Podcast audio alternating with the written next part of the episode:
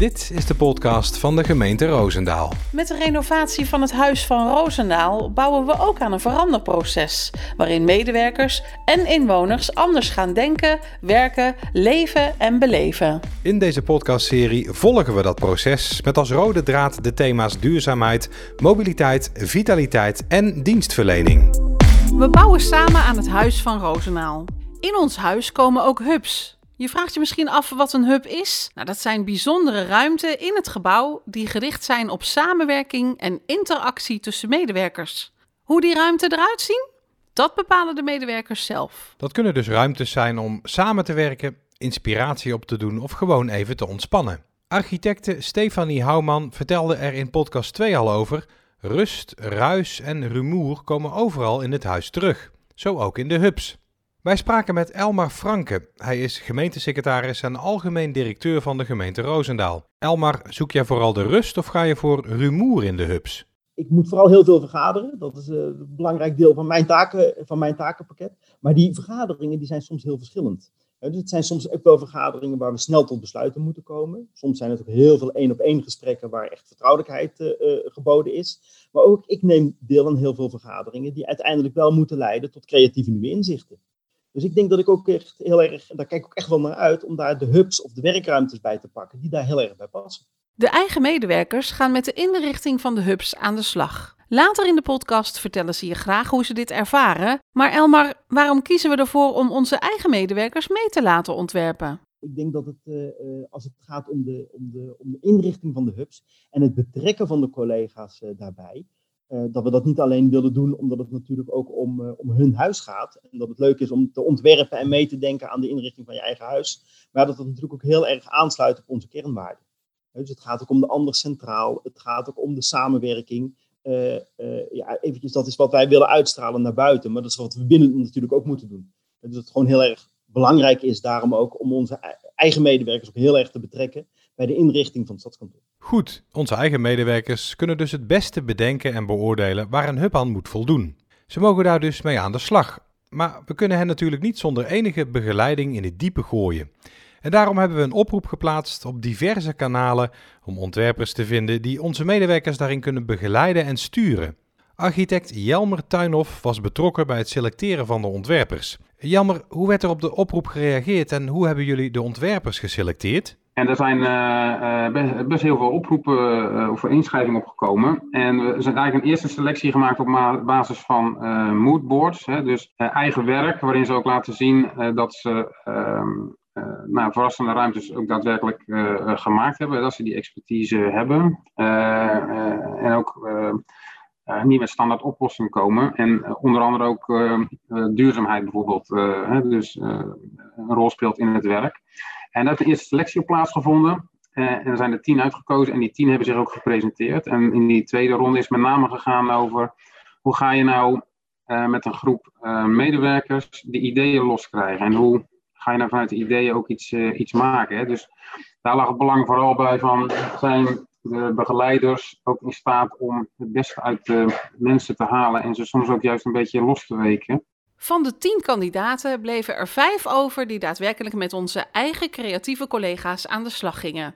Maar Jelmer, moet je dan zelf ook nog veel doen om die vijf ontwerpers en hun groep te sturen? Wij doen vooral uh, zo min mogelijk. Uh, het idee van de hubs is dat medewerkers en de ontwerper daar uh, een hele bijzondere plek maken. En dus vooral dus het kunst van het uh, loslaten. Uh, dus we hebben wel aangegeven welke randvoorwaarden er zijn vanuit de gebouwinstallatie bijvoorbeeld. En natuurlijk aangegeven hoe die, waar die plekken in het gebouw liggen. waar ze relatie mee hebben. En maar voor de rest laten we het eigenlijk gewoon volledig vrij aan de ontwerper en de, en de medewerkers. Om daar gewoon een hele inspirerende, bijzondere en verrassende plek van te maken. Dus ja, wij laten ons graag verrassen. Elke ontwerper kreeg een aantal medewerkers onder zijn of haar hoede.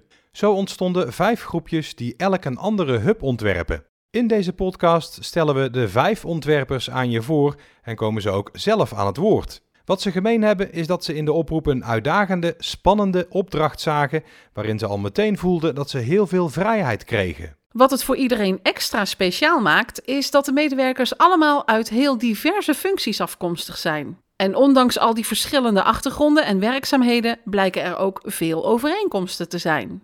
De eerste ontwerper is Marijke Maas. Marijke, wat heb jij gedaan om kennis te maken met jouw groepje en hoe zorgde jij ervoor dat ze elkaar onderling ook wat beter leerden kennen? ze hebben eigen persoonlijke moodboard gemaakt en die hebben naast elkaar gelegd. En dan zie je dat er toch heel veel overeenkomsten zijn. En eh, op die manier hebben we eerst kennis gemaakt met elkaar. Van, nou, wie ben jij en wat past bij jou aan vorm en kleur en uh, sfeer. Wat denk jij dat deze vijf groepjes gaan bereiken? Ik denk ook dat, uh, ja, dat er ook wel vijf verschillende hubs gaan komen met vijf teams. Maar zeker ook allemaal bij elkaar een heel mooi geheel gaan vormen. Zeg maar. Dat is wel heel leuk. Ontwerper 2 is Maxime Tekens. Het is een opdracht waarin je lekker vrij kunt werken zonder al te veel kaders en grenzen. Maar uh, Maxime, maakt dat het ook makkelijker? Uh, in het begin vond ik het wel lastig. Ik denk dat je zoveel vrijheid hebt. Uh, gelukkig heb ik heel veel mazzel met mijn enthousiaste ontwerpteam. En die kwam met zoveel leuke ideeën. Dan maakt het het weer ja, vrij makkelijk.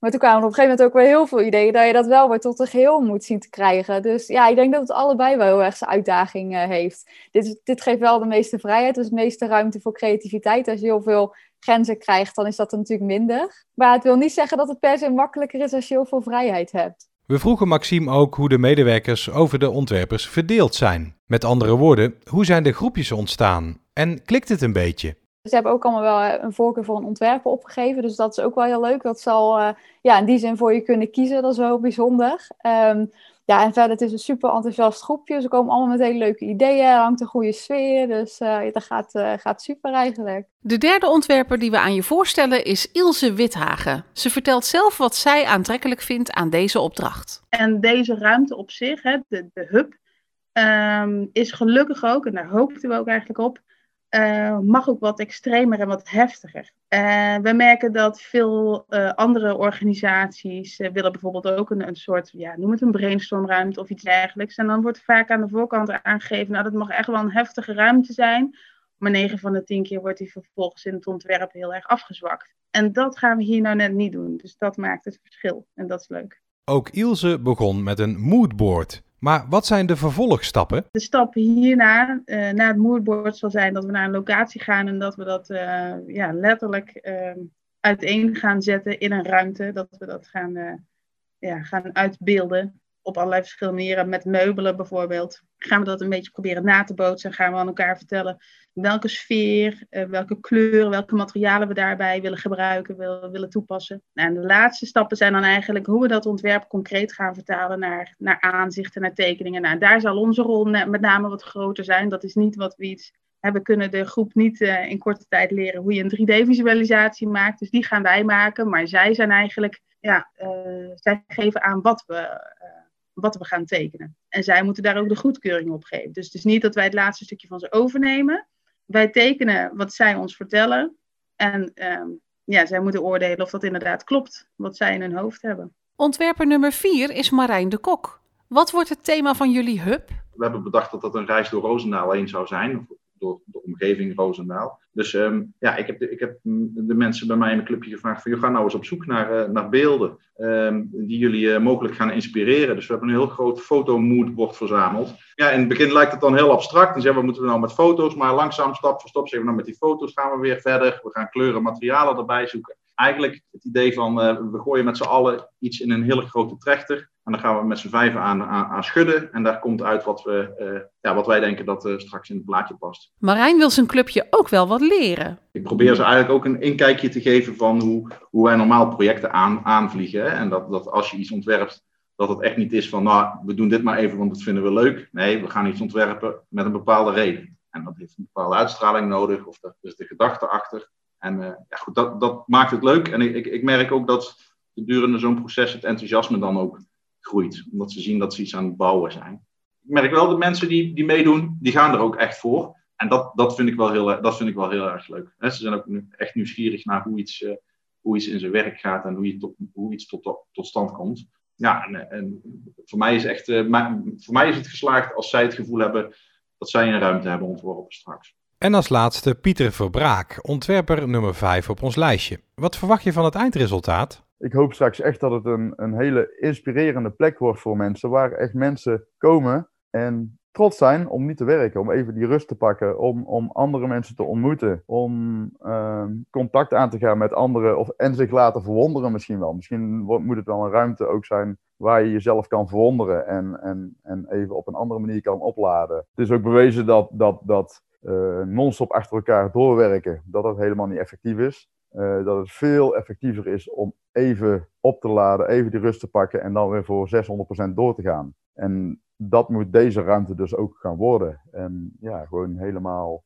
een oplaadpunt voor, uh, voor iedereen in het Huis van Roosendaal. Een van de medewerkers die Pieter in zijn groepje heeft is Matthijs Moors. Hoe is het om hiermee bezig te zijn en hoe doe je dat? Nou ja, aan de ene kant vind ik het heel fijn om gewoon ideeën op tafel te gooien die gewoon soms krankzinnig zijn, soms uh, onuitvoerbaar, maar wel uh, met een soort van lijn uh, hoe ik naar dingen kijk. En dat iemand anders het dan ook wel een beetje kan nadenken over hoe krijg je dat dan op een logische manier in een ruimte verwerkt. Dat vind ik er heel fijn aan. Um, maar vooral ook dat je zelf bezig kan zijn met een deel van het huis. En wanneer is het wat jou betreft geslaagd? Uh, voor mij is het echt geslaagd als de, mijn collega's, dus de medewerkers van het Huis van Roosendaal, er naartoe gaan. En ze hoeven er niet altijd te denken van, oh, dat is een plek waar ik heel graag naartoe zou willen gaan, maar dat die energie leeft en dat, er, dat mensen toch even een kijkje gaan nemen in die ruimte en toch er even willen gaan zitten en toch willen uitproberen. Dat ze toch het stapje even naar binnen zetten. Dat, dan, ben ik, dan ben ik dolgelukkig. Als iemand dan straks in de hub aan het werken of ontspannen is, uh, Matthijs, wat herkent hij of zij dan van jou in die hub? Ik had wel het idee een beetje, nou ja, misschien dat iemand daar zijn telefoon eens even ergens in kan doen. En dan heb je ook van die mooie uh, boxen waar er misschien een geluidje in zit. Dat het lijkt alsof hij door een shredder gaat of lijkt alsof je in het water plonst. dus dat je ook, maar met het idee dat je even niet met je telefoon bezig bent. Maar dat je gewoon daar of een spelletje aan doen bent of met iemand aan het praten bent om helemaal uit je gedachten te zijn. Dus dat soort ideeën, daar, daar probeer ik me dan hard voor te maken. Om het lollig te maken, maar met een serieuze ondertoon. Ook Dion van den Broek is werkzaam bij de gemeente Rozenaal. Net als Matthijs besloot hij zich in te schrijven om mee te ontwerpen aan het Huis van Rozenaal. Dion, wat maakt het bijzonder voor jou? Het is niet al te zakelijk, dus het is een, leuk, een leuke manier om, uh, om naar collega's te kijken. Met name collega's die ik ook niet vaak on, ontmoet. En dat is ook een, uh, dat, dat is leuk. En dat je elkaars uh, creativiteit prikkelt, dat, is, ja, dat vind ik alleen maar leuk om, om te doen. En wat vind jij het belangrijkste doel van de ruimte? Voor mij is het belangrijkste doel dat het een, een aangename ruimte wordt waar je met momenten, niet als vergaderruimte, maar wel waar je met momenten kunt verpozen om misschien even rustig te werken, maar vooral ook collega's te ontmoeten om mee te kunnen sparren en mee te kunnen praten. Maar ook een moment van ontspanning moet zeker in de hub gevonden kunnen worden. Het ontwerp van Maxime, haar groepje, krijgt al aardig vorm. Sinds de laatste week, twee weken, hebben we hem nou helemaal al bijna in 3D staan. Dus dat geeft wel een heel leuk beeld. En uh, ja, het concept staat eigenlijk helemaal. Dus uh, ja, dat gaat, uh, gaat goed. En als je nu zo eens terugkijkt, wat verwachtte je dan van de opdracht? En misschien nog wel belangrijker, zijn jouw verwachtingen uitgekomen? Bij inschrijving leek het me gewoon echt al superleuk en een hele mooie uitdaging. Maar dat heeft alle verwachtingen overtroffen. Ik heb zo'n enthousiast ontwerpteam dat het alleen nog maar leuker is geworden. En de opdracht is, is heel leuk. Dus dat is alleen maar mooi.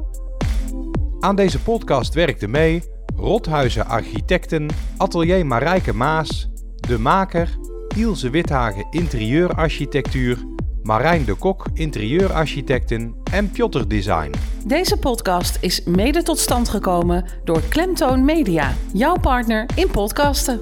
Wil je geen enkele aflevering missen? Abonneer je dan op het kanaal van de gemeente Roosendaal via jouw favoriete podcast-app. Voor meer informatie kijk je op onze website www.roosendaal.nl.